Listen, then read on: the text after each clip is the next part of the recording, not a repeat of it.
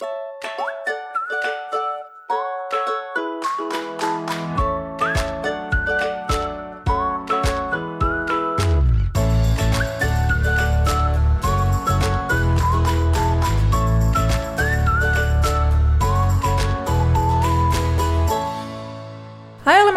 welkom bij een nieuwe aflevering van de Wat ik wou dat ik wist podcast. De podcast waarin ik deel wat ik wel eerder had willen weten en verhalen vertel waar jij je als twintiger hopelijk in herkent. De aflevering van deze week zou een aflevering met een astroloog zijn, over astrologie dus. Maar vanwege wat technische mankementen is die aflevering uitgesteld tot volgende week. Dus deze week nog even een aflevering met mij alleen en het gaat over liefde en vriendschap. En wat nou precies het verschil ertussen is. Want soms dan is die grens best wel vaag. Misschien heb het wel eens gehad. Dat je iemand tegenkwam die je heel erg leuk vond. Maar dat je nou afvroeg: zijn wij nou beter af als vrienden? Of is er meer dan dat? Ik heb over dit onderwerp jullie input gevraagd. En ook dat zal ik gaan meenemen uh, in het hoofdonderwerp dus. En dat komt uh, verderop in de aflevering. Maar net als vorige week heb ik deze week een sponsor, namelijk Rouse. En Rouse is het eerste Nederlandse platform met sexy audioverhalen. Ze bieden een intieme ervaring aan om in de stemming te komen met jezelf of met je partner. En ze hebben een uh, hele snel groeiende bibliotheek met allemaal exclusieve audioverhalen. En die zijn geschreven en ingesproken door verschillende bekende en opkomende schrijvers en stemacteurs zoals Suzanne Smit, Milou Delen, Philip Huff. En als je lid wordt van Rouse, ontvang je iedere week drie nieuwe verhalen. Wat wel goed is om te weten, is dat al hun acteurs eerlijk worden betaald en uh, dat het eerlijk wordt geproduceerd. Vinden zij ook heel erg belangrijk. Er zit geen zwart randje aan, wat soms het geval kan zijn bij sommige erotiek- of porno-platforms. En met de kortingscode Wat ik wou dat ik wist, aan elkaar met hoofdletters, kan je voor 7,99 euro drie maanden onbeperkt luisteren naar alle verhalen. En normaal betaal je voor drie maanden 14,97 euro. Dus dat is toch wel een hele mooie deal. Dus vind je het leuk om daar gebruik van te maken? Ik vind het echt een heel mooi ingericht platform. En er komt ook binnenkort een app aan. Um, ga dan naar rouse.me en meld je aan. Dat spel je R-O-U ze.me. Maar ik zal zeker ook het linkje in de beschrijving van deze aflevering zetten en de kortingscode daar ook nog eventjes bij zetten, zodat je alles op één handige plek hebt. Superleuk dat Rouse ook deze aflevering uh, wilde sponsoren. Dan gaan we nu door naar het hoogtepunt en dieptepunt van mijn week. Even terugkijken op wat ik allemaal heb gedaan. Um, ik denk dat mijn hoogtepunt toch wel afgelopen vrijdag was. Dat was eigenlijk mijn eerste echte huisfeestje weer sinds corona. En uh, dat was eigenlijk heel leuk. Het was heel spontaan en um, er waren mensen die ik kende, maar ook wat mensen die ik nog niet kende. En ik besefte me toen eigenlijk dat ik gewoon dat niet meer heb gehad. Je bent toch wel een beetje aangewezen op je eigen vriendenkring tijdens corona en rond die periode. Je komt niet echt meer vaak op plekken waar je echt compleet nieuwe mensen leert kennen. Dus dat was nu weer voor het eerst. Dus dat was uh, super leuk. Is ook redelijk uit de hand gelopen, dat feestje. Uiteindelijk was ik om vier uur thuis, denk ik. dat zegt ook al genoeg dat ik er, denk ik, achter moet zetten. Um, maar geeft ook wel aan hoe gezellig dat was en uh, hoe leuk dat was. Dat dat weer eventjes kon. Dus daar was ik super blij mee. Um, mijn dieptepunt was, uh, dit was dus allemaal vrijdagavond. Mijn dieptepunt was op zaterdagavond. Ik heb denk nog nooit zo'n heftige kater gehad. Um, ik heb vriendinnen die best wel heftige kater hebben. En dan denk ik altijd van, nou, dat zal wel meevallen. Nu besef ik me pas hoe zij zich voelen. Want ik had dus zaterdagavond nog steeds ontzettend last van de hoeveelheid alcohol die ik had gedronken. Echt heel erg. En um, s'avonds had ik ook plannen. Mijn ouders kwamen namelijk eten. Um, ik vind het altijd leuk om te koken. Dus ik had allemaal boodschappen ingeslagen en ik was aan het koken geslagen. En terwijl ik aan het koken was, dacht ik al, dit was geen goed idee. Ik voelde mezelf alleen maar misselijker worden. Maar ik dacht ook, misschien moet ik gewoon wat eten in mijn maag krijgen. Soms is dat ook gewoon een probleem. Dus ik ga aan tafel bij ze zitten en ik neem een paar happen. En het gaat gewoon helemaal mis. Ik moet echt rennen naar de badkamer. En ik heb net niet overgegeven. Maar ik dacht, nou, dit is echt niet oké.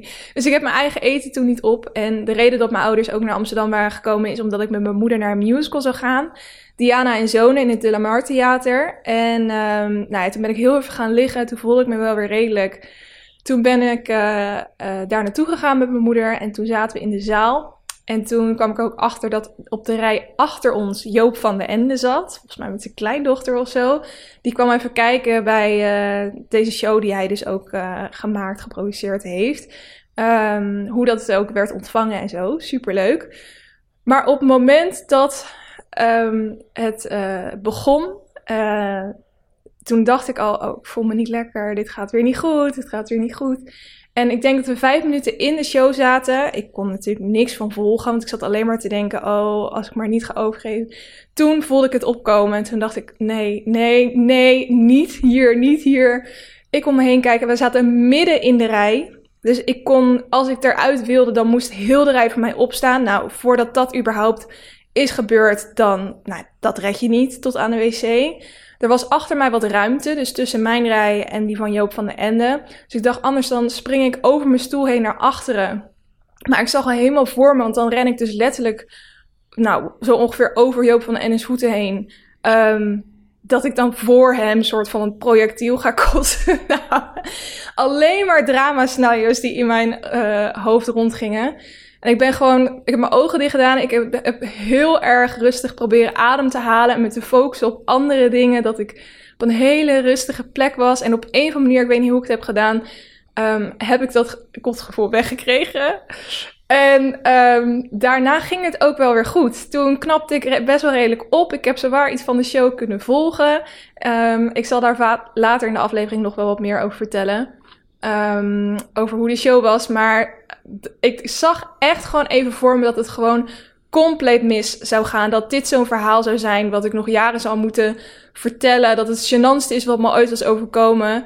En ik ben heel blij dat het niet tot dat punt is gekomen.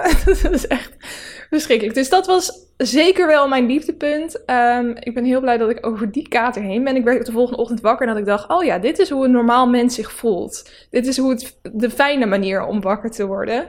Um, dus ik denk dat ik ook voor de komende maand wel weer even genoeg alcohol heb. En um, nou, ik was niet de enige als ik het zo hoorde van andere mensen die op dat huisfeestje waren. Maar helemaal oké. Kan gebeuren, jongens. Zelfs op je 28ste kan je nog per ongeluk je grens overgaan. En uh, dat wordt een beetje mijn leven, I guess. Um, dan gaan we door naar het lekker loeren blokje, waarin ik op een luchtige manier de week met je doorneem en kijk wat celebrities allemaal hebben gedaan. Er zit ook vaak wel wat uh, ander nieuws tussen wat heel, de, heel Nederland bezig hield, zoals, om maar eventjes hiermee af te trappen, dat Max Verstappen Formule 1 heeft gewonnen afgelopen zondag. Of in ieder geval die race in Zandvoort. Um, heel Nederland natuurlijk dus in rep en roer, omdat eindelijk een Formule 1-wedstrijd in uh, Nederland was, in Zandvoort. Dat zou al eerder dit jaar plaatsvinden, um, of überhaupt al veel eerder plaatsvinden, maar dat ging natuurlijk allemaal niet door vanwege corona. En nu was het dus daadwerkelijk zo. Um, nou, ik heb het uiteraard ook gekeken. We hebben echt naar huis gereisd. We waren drie voor 3000. Toen hebben we het precies kunnen zien. Maar ik vond het wel heel vet. Ook dat uh, Davina Michelle ging optreden. Dat zij het volkslied deed. Dat ze echt prachtig deed. Toen dacht ik, oh, het is eigenlijk best wel een heel mooi lied. um, dat de koning en koningin aanwezig waren. Met Amalia ook. Vond ik tof om te zien. En uh, ja, dat hij dan ook nog wint, dat is natuurlijk wel helemaal top. Mijn broer was daar ook, zat daar ergens in het publiek. Die had ook wat filmpjes doorgestuurd en zo.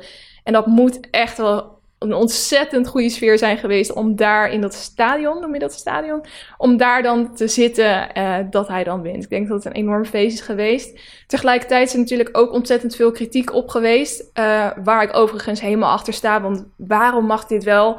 Ik denk dat we allemaal wel de filmpjes en foto's hebben gezien hoe mensen um, in enorme menigte zich naar hun uh, plek uh, probeerden te krijgen en Um, dat dat in principe gewoon één op één te vergelijken is met hoe het bij een festival aan toe gaat. En waarom zou dat dan wel mogen? En de rest allemaal niet. De hele evenementindustrie eigenlijk op zijn gat. En um, ja, het wordt gewoon natuurlijk wel met twee maten gemeten, zeg je dat zo? Het, is, ik snap heel goed waarom mensen hier ontzettend boos over zijn. Um, en ik denk ook dat hier gewoon een reactie op moet komen. Want hoe verklaar je dit? Eigenlijk is het gewoon niet te verklaren. Dus um, ja, die kritiek snap ik zeker ook. Dan volgend nieuwtje. Ik had dit helemaal gemist. La Casa de Papel staat een nieuw deel op Netflix. Ik open opeens mijn Netflix-app en daar stond het. Uh, La Casa de Papel, deel 5. Um, ehm, ik wist dat het aan zat te komen, maar niet dat het nu uitgebracht zou worden. Dit is het allerlaatste seizoen. En uh, nou, ik heb er al lovende kritiek over gehoord. Dus volgens mij um, is dit echt wel uh, een heel mooi, heel vet einde ik denk ook wel dat het goed is dat ze er nu gewoon een eind aan breien. Want eigenlijk was gewoon het eerste seizoen en het tweede seizoen, dat was volgens mij één verhaallijn. Um, dat was het allerbeste. En vaak proberen ze het dan nog, weet je wel, om een beetje uit te rekken, dat succes. Um, maar dat ja, heeft niet altijd het beste resultaat. Voor mij had het daar ook mogen stoppen. Maar ik vind het aan de andere kant ook wel heel interessant, in nieuwe aflevering. Dus ik ga ze zeker even kijken. Ik dacht, ik noem het even. Mocht jij het ook gemist hebben, dan weet je dat dat op Netflix staat. Het is natuurlijk een serie die door ontzettend veel mensen bekeken wordt. Um, ja, dan iets anders. Ik uh, las dat Anouk haar hoofd heeft kaal geschoren. ik dacht, ja, ik neem het ook maar even mee. En ik zat op haar Instagram uh, te kijken. Daar kwam ik dan weer via een linkje. En um, daar heeft ze een foto gepost van zichzelf met behoorlijk kort gewiekte haar. Um, waarbij staat: I hope your day was as nice as my hair. If not, relax, just let go and enjoy your evening. Voor de rest geen uitleg over waarom ze dit heeft gedaan, waarom ze er zin in had. Um, maar ja, dan weet je dat ook weer. Anouk haar hoofd is kaal. um, en tot slot het laatste nieuwtje. Ja, jongens, ik moet het toch even over hebben. De Bachelor. Als je niet kijkt, sorry, ik zal het heel kort doen. Maar Julia heeft dus gewonnen. Uh, surprise, surprise. Ik denk dat we het allemaal wel hadden verwacht. Het is wel heel bijzonder dat hij eigenlijk aan het begin, seizoen, begin van het seizoen zei: Ja, ik ben echt op zoek naar iemand om mee te settelen. Ik ben nu in een fase waarin ik echt wil nadenken over kindjes, huisje, boompje, beestje, et cetera. En dat hij dan met een van de jongere meiden vandoor gaat, die echt letterlijk heeft gezegd: Ik wil geen kinderen. um, ik zat ook die aflevering van Rijk Hofman te kijken. Die maakt elke keer een soort reactie YouTube-video. En die zei ook van dit bewijst wel dat hij meer met zijn broek heeft gedacht dan met zijn hoofd. Andere kant, ja, je moet ook maar. Je kan je, je gevoelens natuurlijk niet afdwingen. En hij hoopt, denk ik, heel erg dat zij nog van gedachten gaat veranderen. Maar ik ben heel erg benieuwd hoe, dit, uh, hoe lang zij bij elkaar blijven. Aankomende donderdag is een aflevering waarbij je dan uh, een soort reunie ziet. Of hoort hoe het met iedereen is afgelopen. Ook wat de uh, meiden vinden die zijn afgevallen. Wat die ervan vinden dat hij met Julia is geëindigd. Hoe dat achter de schermen misschien is gegaan. Een beetje juice hoop ik op natuurlijk. Um, dus daar ben ik wel heel erg uh, nieuwsgierig naar. Maar ik denk dat ja, Julia en Tony gewoon nog wel samen zijn. Maar dat het op de lange termijn niet echt gaat werken. Dat is mijn gevoel nu. I don't know natuurlijk. Er zijn trouwens uh, geruchten over wie de nieuwe Bachelor gaat worden. Dus het volgende seizoen. En ze zeggen dat dat Thomas van Stuk TV wordt. Maar het is ook aan het management van Thomas gevraagd. Of van Stuk TV. En die zeggen wij weten van niks. Dus dat kan natuurlijk betekenen wij mogen nog niks vertellen. Maar het kan ook letterlijk betekenen er is helemaal niks aan de hand en dit zijn roddels. Dus um, ja, geruchten nu alleen nog maar. Maar op zich wel een leuke nieuwe bachelor zijn. Ik zie dat op zich nog wel voor me. Oké, dan gaan we nu naar het lekker leven blokje. En de eerste tip die ik je wil geven is om weer eens naar een musical te gaan. Voor mij was dat dus ontzettend lang geleden dat ik dat had gedaan. En ik vind het echt heerlijk om gewoon helemaal op te gaan in de wereld die mensen creëren op podium. Natuurlijk moet het wel een beetje in je straatje vallen, want sommige mensen houden helemaal niet van als er opeens random mensen gaan zingen. Um, maar ik vind het altijd eigenlijk wel heel erg leuk en het is ook zoiets wat ik als, als kind met mijn moeder deed en um, ja, wat we eigenlijk al heel lang niet hadden gedaan. Dus dat is ook wel een leuk moeder-dochter uit, uitje vind ik altijd. Um, nou kan je dus naar um, de musical Diana en Zonen. Daar ben ik dus heen geweest. Gaat dus over um, Diana, de prinses Diana. En zij is natuurlijk op een gegeven moment aan haar eind gekomen. Maar ja, rondom het Britse Koningshuis is nog steeds genoeg te doen. En de musical gaat eigenlijk over de zonen. Dus Harry met name en zijn nieuwe relatie. En hoe dat dan vergaat. En ja, ik weet niet, ik vond hem wel echt interessant. Ook omdat ik The Crown heb gezien. Dus ik herkende ook gewoon heel veel verhaallijnen eh, daarvan. um, maar het was een beetje sober of zo. Het was een beetje, ja, er was, er was wat weinig kleur in het decor, weinig afwisseling in het decor ook wat de mensen dan deden. Weet je, terwijl ze aan het zingen zijn, zijn ze dan hun fetus aan het strikken of lopen ze heen en weer. Dat was het, af en toe dan precies hetzelfde als in een andere scène. Dus wat dat betreft vond ik het mooi. Maar um, het was wel ontzettend goed gezongen ook. Freek Bartels had uh, een van de hoofdrollen. Um, en um, hoe heet zij nou? Marlijn Weerdenburg. Die speelde dus Diana. Dat deed ze ook ontzettend goed. En ik wist niet dat zij zo goed kon zingen. Ik had er wel eens op tv gezien, maar ze blijkt dus ook een hele goede musicalactrice te zijn. Ehm, dus als je het toch interessant, interessant lijkt, dan uh, zeker eventjes een kijkje nemen.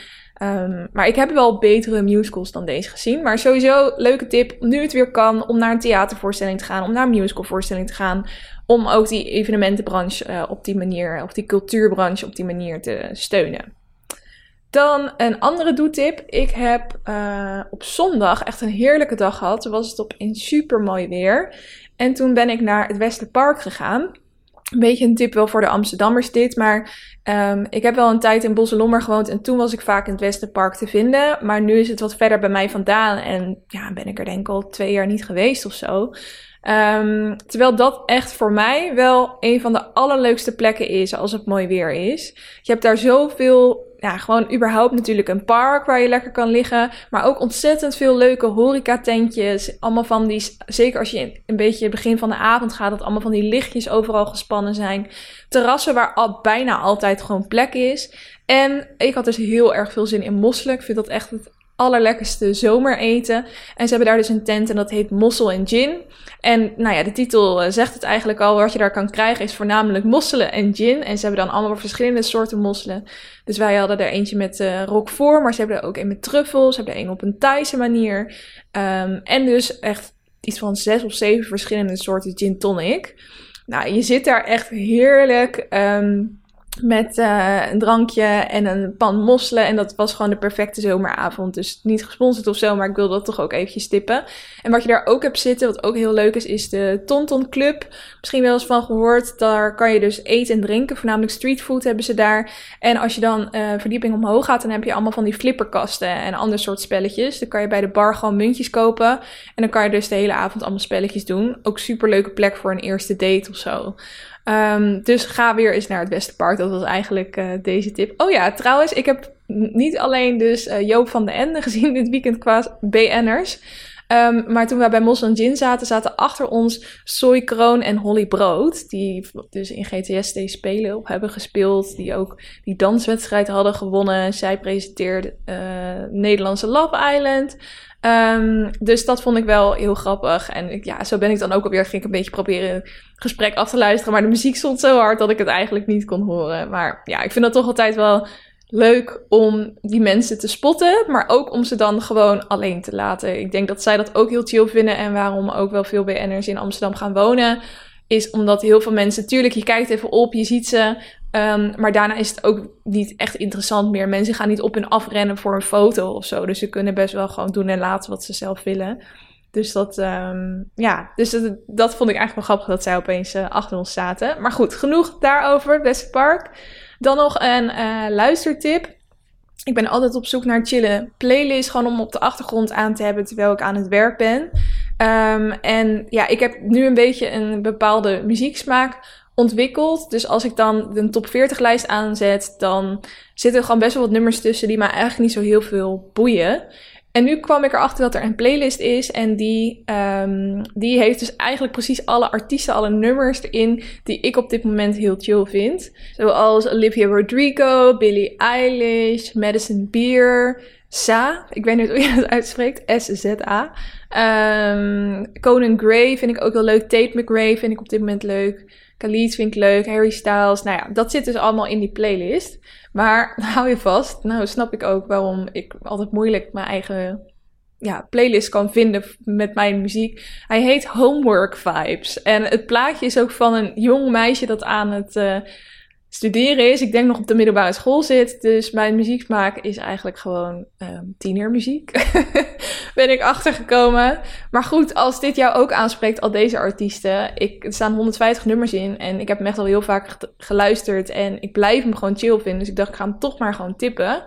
Um, hij heet dus Homework Vibes uh, op Spotify. Dus uh, ik uh, ga daar in ieder geval heel lekker op.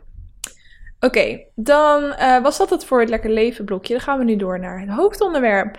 En bij dit hoofdonderwerp stel ik dus eigenlijk de vraag: hoe weet je nou precies het verschil tussen vriendschap en liefde?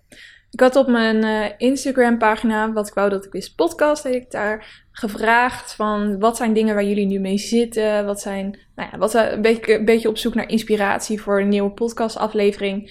En toen zei iemand van, ehm, ja, het verschil tussen liefde en vriendschap. Hoe weet je dat en hoe was dat bij jou? Ehm, en toen dacht ik, dat is best wel interessant, want um, ik denk dat iedereen wel eens in zo'n situatie heeft gezeten waarin je erover hebt getwijfeld wat het nou precies is. Je weet dat je heel goed matcht met elkaar en dat er in ieder geval iets is, maar is datgene dan vriendschappelijk of is dat liefde? En uiteindelijk komt het natuurlijk allemaal aan op uh, gevoelens. En gevoelens kunnen zo ontzettend ingewikkeld zijn. In ieder geval, dat vind ik altijd. Ik, ik, het duurt bij mij ook altijd best wel eventjes voordat ik echt precies weet wat ik nou voel. En dan heb ik een paar dagen nodig en dan als ik er dan terugkijk, dan is het opeens allemaal heel duidelijk. Maar als je er middenin zit, in allemaal verwarrende gevoelens, dan is het gewoon best wel lastig om er erachter te komen. Is het nou lust? Is het vriendschap? Is het liefde? En soms weet je het wel, hè? Soms dan weet je gewoon, oh, dit is echt lust, of dit is vriendschap, of dit is liefde. Maar zelfs al weet jij wat je voelt, waar doe je op zo'n moment dan goed aan? En voelt die ander precies hetzelfde als jij? Um, en dat maakt de situatie nog ingewikkelder. Want als er alleen op jou aan zou komen, dan zou je misschien wel weten wat je zou moeten doen. Maar hoe zit het met die ander? Misschien heb jij wel het idee dat um, jullie perfecte partners zouden zijn, liefdespartners. En heeft diegene zoiets van: nee, nee, dit is gewoon vriendschap. Weet je, soms dan is het ook lastig om aan te voelen hoe die ander de situatie nou ziet. En zelfs als al hebben jullie allebei zoiets van: oké, wij zijn echt best wel verliefd op elkaar. Misschien zit je allebei in een relatie, of misschien um, kom je net, komt een van de twee net uit een lange relatie en is het helemaal niet slim om gelijk weer in iets nieuws te duiken. Um, er zitten best wel wat haken en ogen aan, waardoor die lijn tussen vriendschap en liefde gewoon best wel uh, dun is. En ik heb ook eventjes de betekenissen opgezocht en die lijken ook gewoon best wel veel op elkaar. Bij liefde staat er bijvoorbeeld: liefde is diepe acceptatie van en genegenheid voor, welgezindheid tot of toewijding voor een ander of eventueel zichzelf. Zelfliefde kan natuurlijk ook, maar in dit geval hebben we het echt voor de ander. Maar goed, dat is al een hele mond vol. En ook bij deze betekenis denk ik, nou, dat zou eventueel ook vriendschap kunnen zijn. En als ik dan opzoek wat er bij vriendschap staat, dan staat er: vriendschap is een nauwe, over het algemeen niet seksuele relatie of verhouding tussen twee of meerdere mensen, waarbij het geslacht geen rol speelt. Wat ik ook weer heel gek vind, want in principe, het lijkt net alsof ze willen zeggen dat bij liefde geslacht wel een rol speelt. Dat hoeft in deze tijd natuurlijk ook niet meer echt zo te zijn. Um, maar wat me wel opvalt is dat er, ze, dat er wordt gezegd: uh, het is over, over het algemeen een niet-seksuele relatie. Is het dan zo dat het verschil tussen vriendschap en liefde puur en alleen het feit is of je seks hebt met elkaar? Want dat is het voor mij ook weer niet. Want je hebt ook weer zoiets als friends with benefits. Dus wat is nou precies het verschil tussen vriendschap en liefde? En hoe kom je daarachter? hoe jij dat zelf voelt, wat jouw eigen gevoelens zijn, maar ook wat die van de ander zijn. En um, ik heb dat natuurlijk ook aan jullie gevraagd. Hè? Wat is volgens jullie nou het verschil tussen vriendschap en liefde? En ik zal de antwoorden er eventjes bij pakken.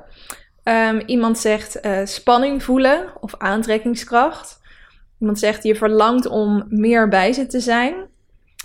Um, van mensen die elkaar niet mochten naar vrienden en een jaar later in relatie. Ik denk dat ze het hierbij heeft over haar eigen situatie. Nou, dat is, uh, dat is een behoorlijke transformatie die jullie als koppel door zijn gegaan. Um, wel belangrijk om te specificeren wat je romantische liefde bedoelt. Ik heb liefde voor veel vrienden. Dat is natuurlijk ook nog iets wat het ingewikkeld maakt. Je kan natuurlijk ook veel liefde ervaren voor vrienden, maar dan op een wat meer platonische manier. Fysieke aantrekkingskracht moet er wel zijn. Aantrekkingskracht, vlinders in je buik Echte liefde is door dik en dun samen bouwen aan een toekomst met elkaar. Um, het gebrek aan aantrekkingskracht, dat is voor mij het verschil tussen kans op liefde en goede vriendschap. Uh, iemand zegt heel interessant dit, maar ik vind het zelf echt heel lastig. En iemand anders zegt tot slot: Common ground is dat je op elkaar kan bouwen. Bij liefde heb je ook die fysieke aantrekkelijkheid, spark en sensualiteit. Dus dat is toch wel een beetje de crux. Je moet niet alleen, want je kan alsnog als vrienden denk ik ook heel goed op elkaar bouwen. Maar die fysieke aantrekkingskracht, dat je echt het idee hebt dat je elkaars kleren af wil scheuren, zeg maar. Dat moet toch wel op een bepaalde mate aanwezig zijn. Wil er wat meer dan uh, vriendschap uit gaan komen. Maar alsnog dan zou het dus ook friends with benefits kunnen zijn. Dus wat is dan dat liefde gedeelte? ik ga ook nog wel DM's doornemen, want ik heb ook nog wel DM's gekregen. Ehm, iemand zegt dat is waarschijnlijk iets heel persoonlijks, maar bij mij is het verschil toch wel dat ik veel meer contact zoek met iemand waarop ik verliefd ben. En dat ik teleurgesteld ben als ik hem een tijdje niet zie. Bij vrienden begrijp ik het makkelijker als het niet lukt door werk of hobby's. En vind ik het minder erg als ik hen een tijd niet hoor of zie.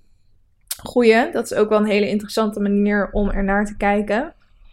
Um, oh dit is een meer een, een situatie waar iemand uit de doeken doet wat, hoe zij zelf nou uh, in een bepaalde situatie dit ervaart. Um, Oeh, dit vind ik lastig. Ik heb zelf dat ik een jongen al mijn hele leven ken als kennis van mijn ouders. Op ons 18 hebben we ook even gedate, maar nooit gezoend of zo. Nu zijn we 21 en zien we elkaar nog steeds af en toe als vrienden. Het relaxte was dat we alle twee een relatie hadden.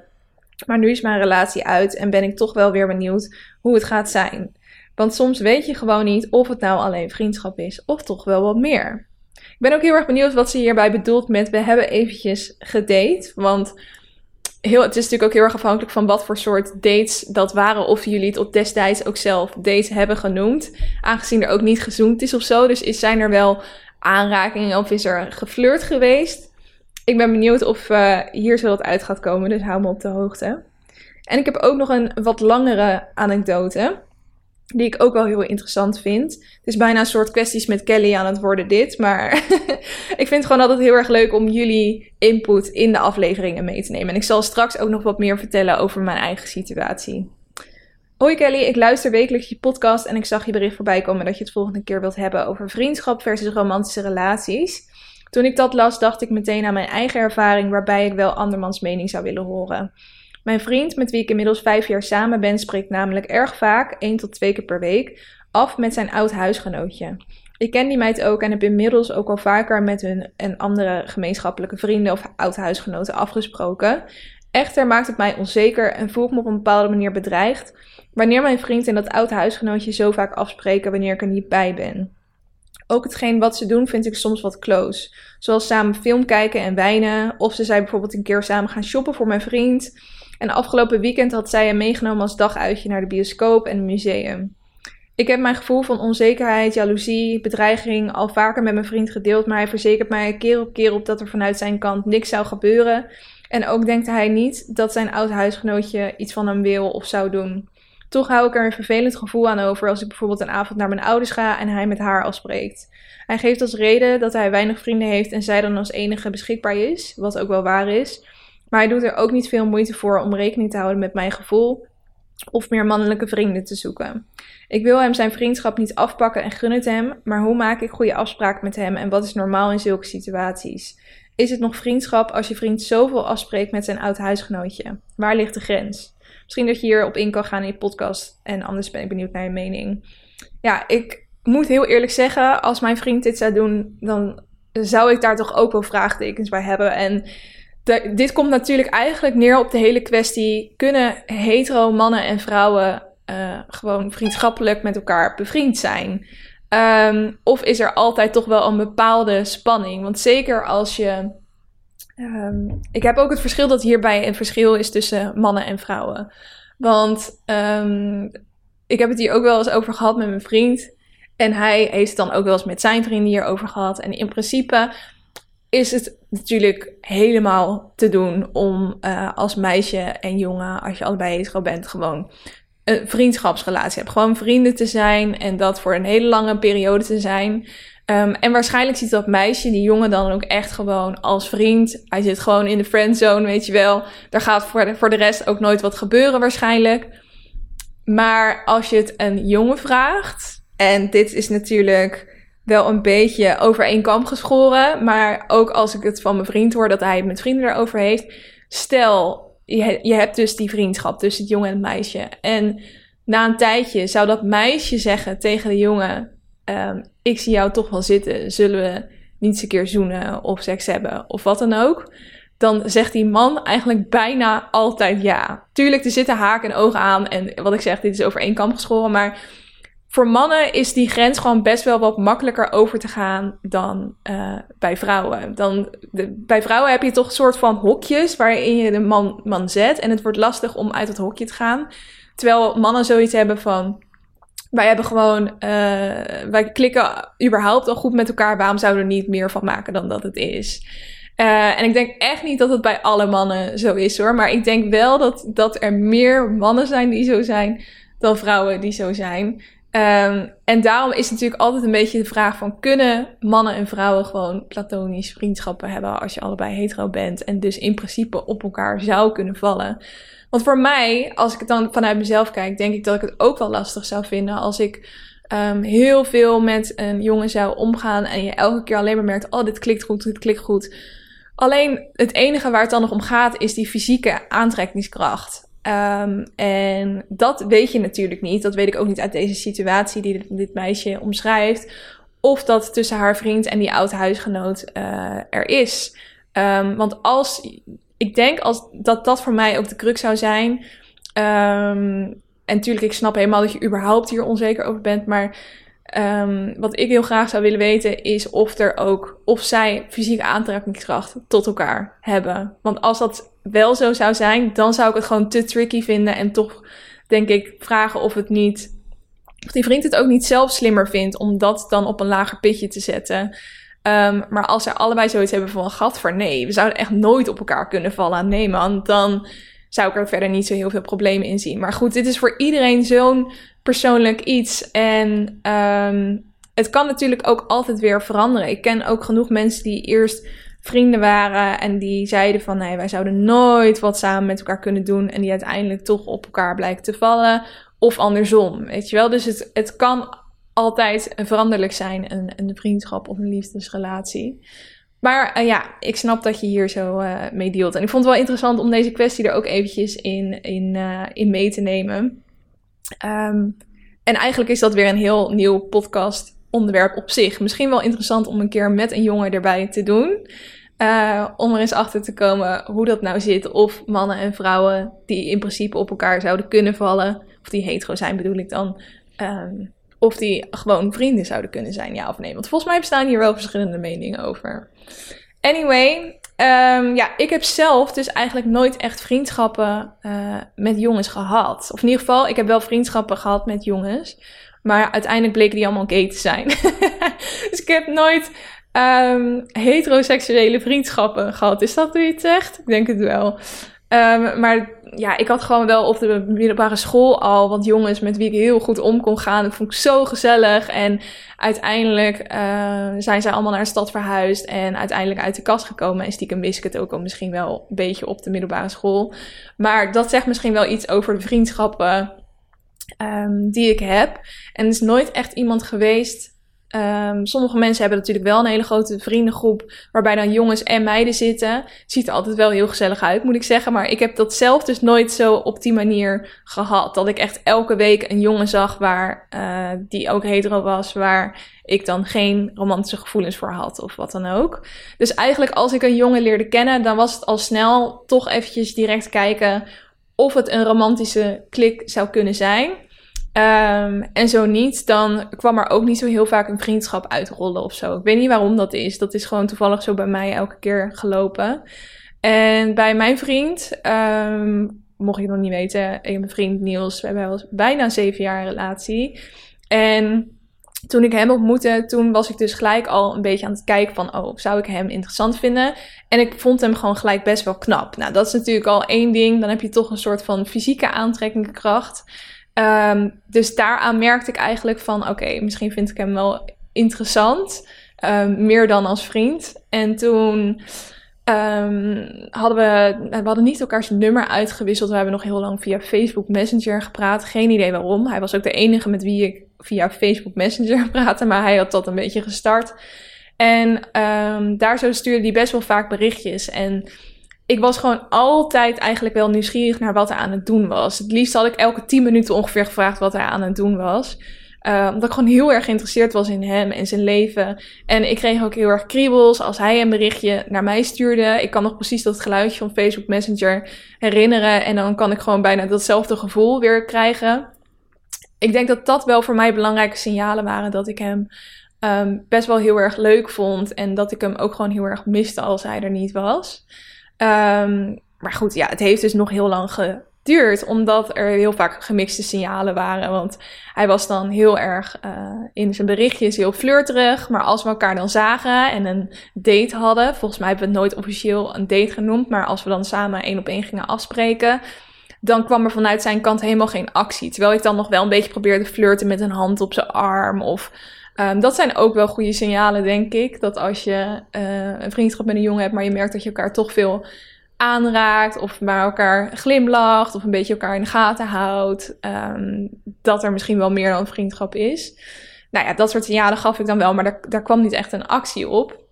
Waardoor ik dacht dat hij het misschien toch vriendschappelijk voelde. Maar ik wist ook wel, dit soort berichtjes stuur je niet naar je vrienden. Dus nou ja, dit heeft allemaal nog heel lang geduurd. En uiteindelijk, bijna een jaar later, um, is het helemaal goed gekomen en hebben we een relatie gekregen. Maar ik merkte toen ook dat ik heel erg bezig was met wat zijn nou signalen van vriendschap en wat zijn signalen van meer dan vriendschap, een liefde of um, wil hij gewoon friends with benefits zijn? Dat idee had ik ook wel heel erg lang en daar had ik gewoon helemaal geen zin in. En om dat uit te zoeken, het zijn ook niet echt gesprekken die je makkelijk aangaat of zo. Want natuurlijk, je kan zeggen van het is toch heel makkelijk om daarachter te komen. Je kan toch gewoon aan elkaar vragen: zie je mij als vriend? Um, wil jij een relatie met mij? Maar dat zijn best wel heftige dingen om opeens op tafel te gooien. Uiteindelijk ben ik degene die dat is geweest, die na, uh, wat was het, een paar maanden, half jaar of zo, heeft gezegd van oké, wat zijn we nou eigenlijk aan het doen? ik moet zeggen dat ik daar zelf toen wel heel erg blij mee was, dat ik dat toen eigenlijk deed. Maar dat was wel op zo'n moment dat ik het ook echt uh, te lang vond duren allemaal. Dat zeg je niet aan het begin al. Dan is het toch dat je het een beetje uit probeert te zoeken aan de hand van signalen die iemand jou geeft. Nou, ik heb natuurlijk ook een beetje onderzoek gedaan. Even gekeken of er een artikel is. En ja hoor, er was een artikel en dat heet acht tekenen dat je eigenlijk meer bent dan alleen vrienden. Dus ik neem ze eventjes met je door. Uh, het eerste teken is dingen over je leven delen. Het is natuurlijk heel gebruikelijk om dingen over je leven te delen met vrienden. Um, maar als je meer over je leven wil delen met een bepaald persoon dan dat je dat doet bij andere mensen. Um, en je merkt ook dat diegene heel graag dingen over zijn eigen leven met jou deelt. En ook echt wel diepere dingen. Dus bijvoorbeeld uh, geheime angsten, of dat je het hebt over relaties uit het verleden, of wat je voor de toekomst in gedachten hebt, wat je grote dromen zijn. Um, als je dat aan elkaar durft toe te vertrouwen, dan maakt dat de band die je met elkaar hebt natuurlijk wel heel erg speciaal. Het spreekt ook een bepaalde vorm van vertrouwen uit. Um, en natuurlijk, dan kan je ook BFF's zijn, want die delen ook ontzettend veel over elkaars leven natuurlijk. Maar uh, dit kan in ieder geval wel een teken zijn dat er misschien iets meer in zit dan vriendschap. Het tweede is dat je veel over ze dagdroomt. Dus als je niet bij ze in de buurt bent, merk je dan wel eens dat je een beetje over ze na zit te denken, over dagdromen. Um, misschien dat je nadenkt over de laatste keer dat je ging lunchen met elkaar. Of um, dat je je voorstelt dat je met elkaar onder de sterren ligt. Of whatever. Als je gewoon een beetje dat soort scenario's in je hoofd gaat bedenken, dan is dat wel een groot teken dat je diep van binnen misschien uh, wat meer dan alleen vrienden wilt zijn. Dus oftewel, als je niet kunt stoppen met aan te denken, dan is er misschien wel sprake van een verliefdheid die je op dit moment nog niet realiseert. Uh, derde teken is dat je een beetje jaloers bent als ze tijd met iemand anders doorbrengen. Dus um, nou ja, dat had ik ook wel heel erg in de nog datingfase met mijn vriend. Dat als er was er ook een ander meisje met wie hij goed bevriend was. En als hij daarmee ging afspreken, dan merkte ik dat ik dan toch stiekem eigenlijk een beetje wilde vissen wat er dan was gebeurd of zo. Uh, maar goed, als zij dus aan het date zijn met iemand anders, met iemand anders uitgaan. Uh, en je merkt dat je daar gewoon een beetje naar van voelt, dan kan dat een teken van verliefdheid zijn. Um, maar zorg dat je daar wel goed mee omgaat. Want als je uh, dat op de verkeerde manier uit, dan kan het natuurlijk ook weer wat jij met hem hebt of haar hebt uh, een beetje verpesten. Um, deze vind ik ook wel grappig. Jullie hebben bijnamen voor elkaar. Nou, tussen vrienden komen natuurlijk ook heel vaak bijnamen voor, maar die zijn vaak toch een beetje uh, lomp of zo. Of het is gewoon een afkorting van je naam. Of het is iets doms wat je ooit hebt gedaan, wat dan altijd wordt gebruikt als jouw bijnaam.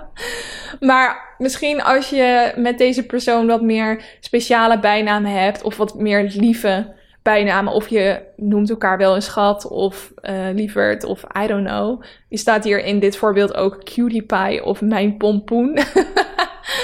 maar ehm, dat lijkt me wat minder interessant. In ieder geval, dat zou ik niet als bijnaam willen hebben.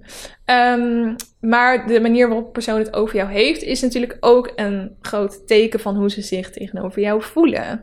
Dus als ze heel erg aanhankelijk zijn, en die aanhankelijkheid kan natuurlijk geuit worden door liefkozende bijnaampjes, dan is er misschien wel meer aan de hand. Teken 5, je vriendschap verandert langzaam.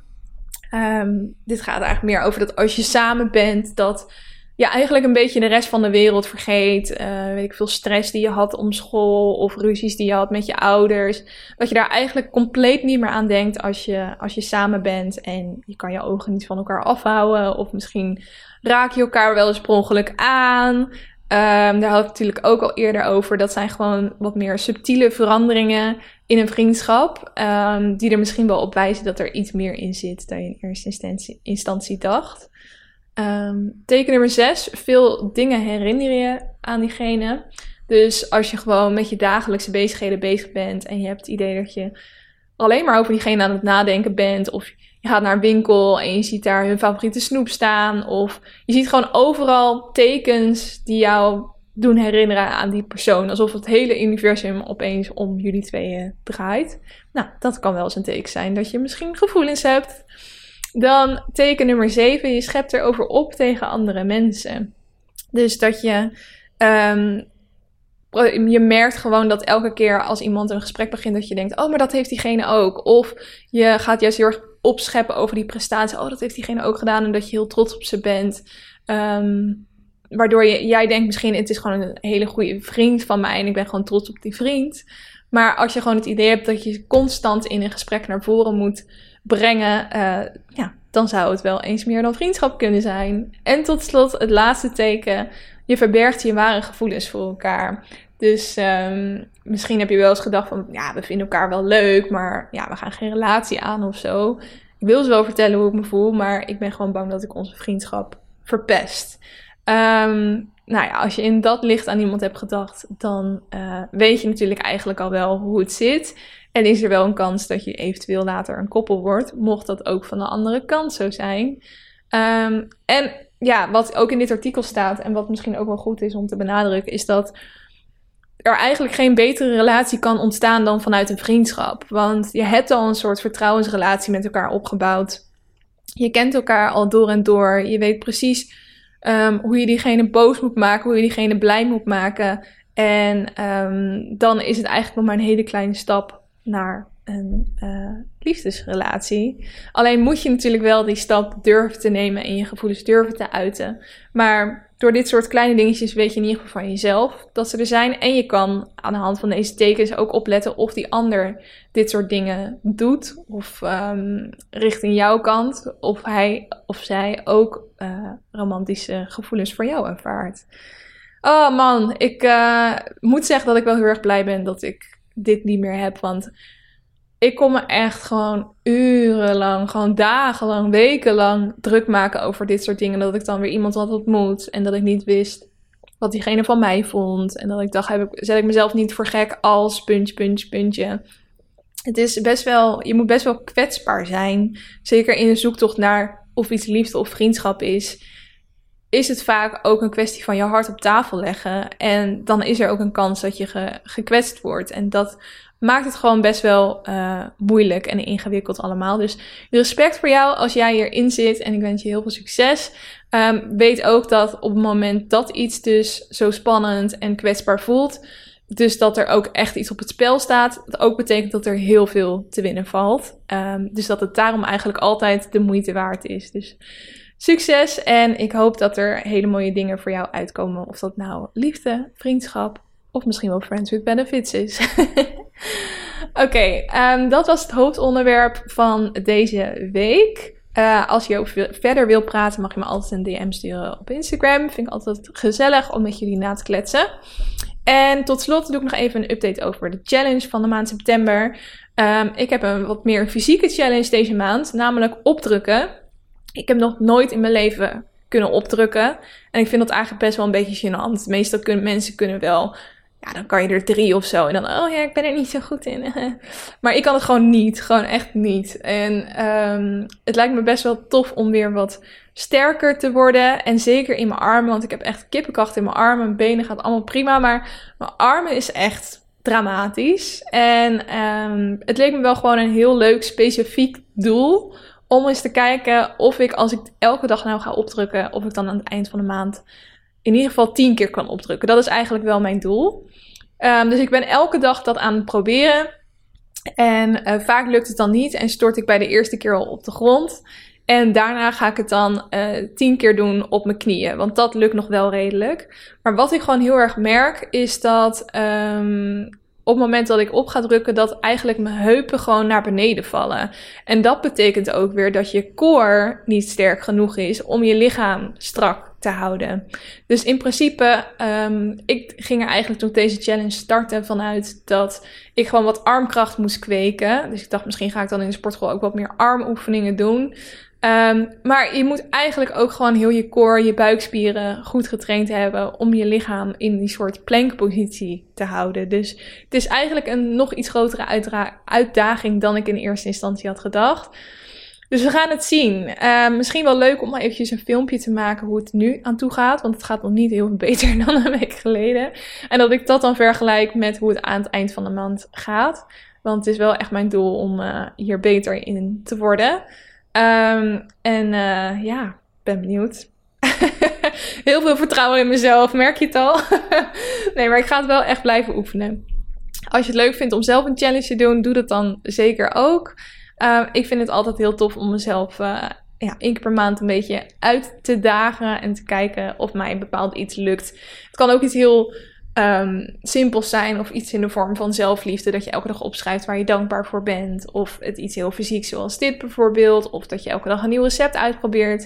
Ik heb intussen al heel veel challenges gedaan en uh, ja, ik word er zelf altijd wel heel vrolijk van. Het geeft me een beetje een soort van gevoel van controle of doelen, ambitie in een tijd waarin de wereld gewoon een beetje fucked is of zo. Dus het geeft me een soort bepaalde focus. Um, en nou ja, als je de aflevering van vorige week hebt geluisterd, dan weet je ook dat het niet altijd goed is om jezelf maar doelen te blijven stellen. Maar als jij merkt dat jij er wel wat uithaalt, dan uh, zou je dat zeker eens kunnen proberen. Oké, uh, dan zijn we nu bij het einde van de aflevering aangekomen. Vergeet niet uh, de sponsor, Rouse. Superleuk, dat Nederlands platform met allemaal audioverhalen dus. Sexy audioverhalen. Uh, heel juicy allemaal, dus uh, ga dat zeker checken. Um, de kortingscode, wat ik wou dat ik wist. En de link die staat ook in de beschrijving van de aflevering. En volgende week uh, moet eigenlijk wel deze keer goed gaan. is er dus een aflevering met een astroloog. Dus daar kan je vast naar uitkijken. En verder wens ik je gewoon een hele fijne week toe. En hoop ik dat je de volgende week ook weer gezellig bij bent. Tot dan. Doei doei.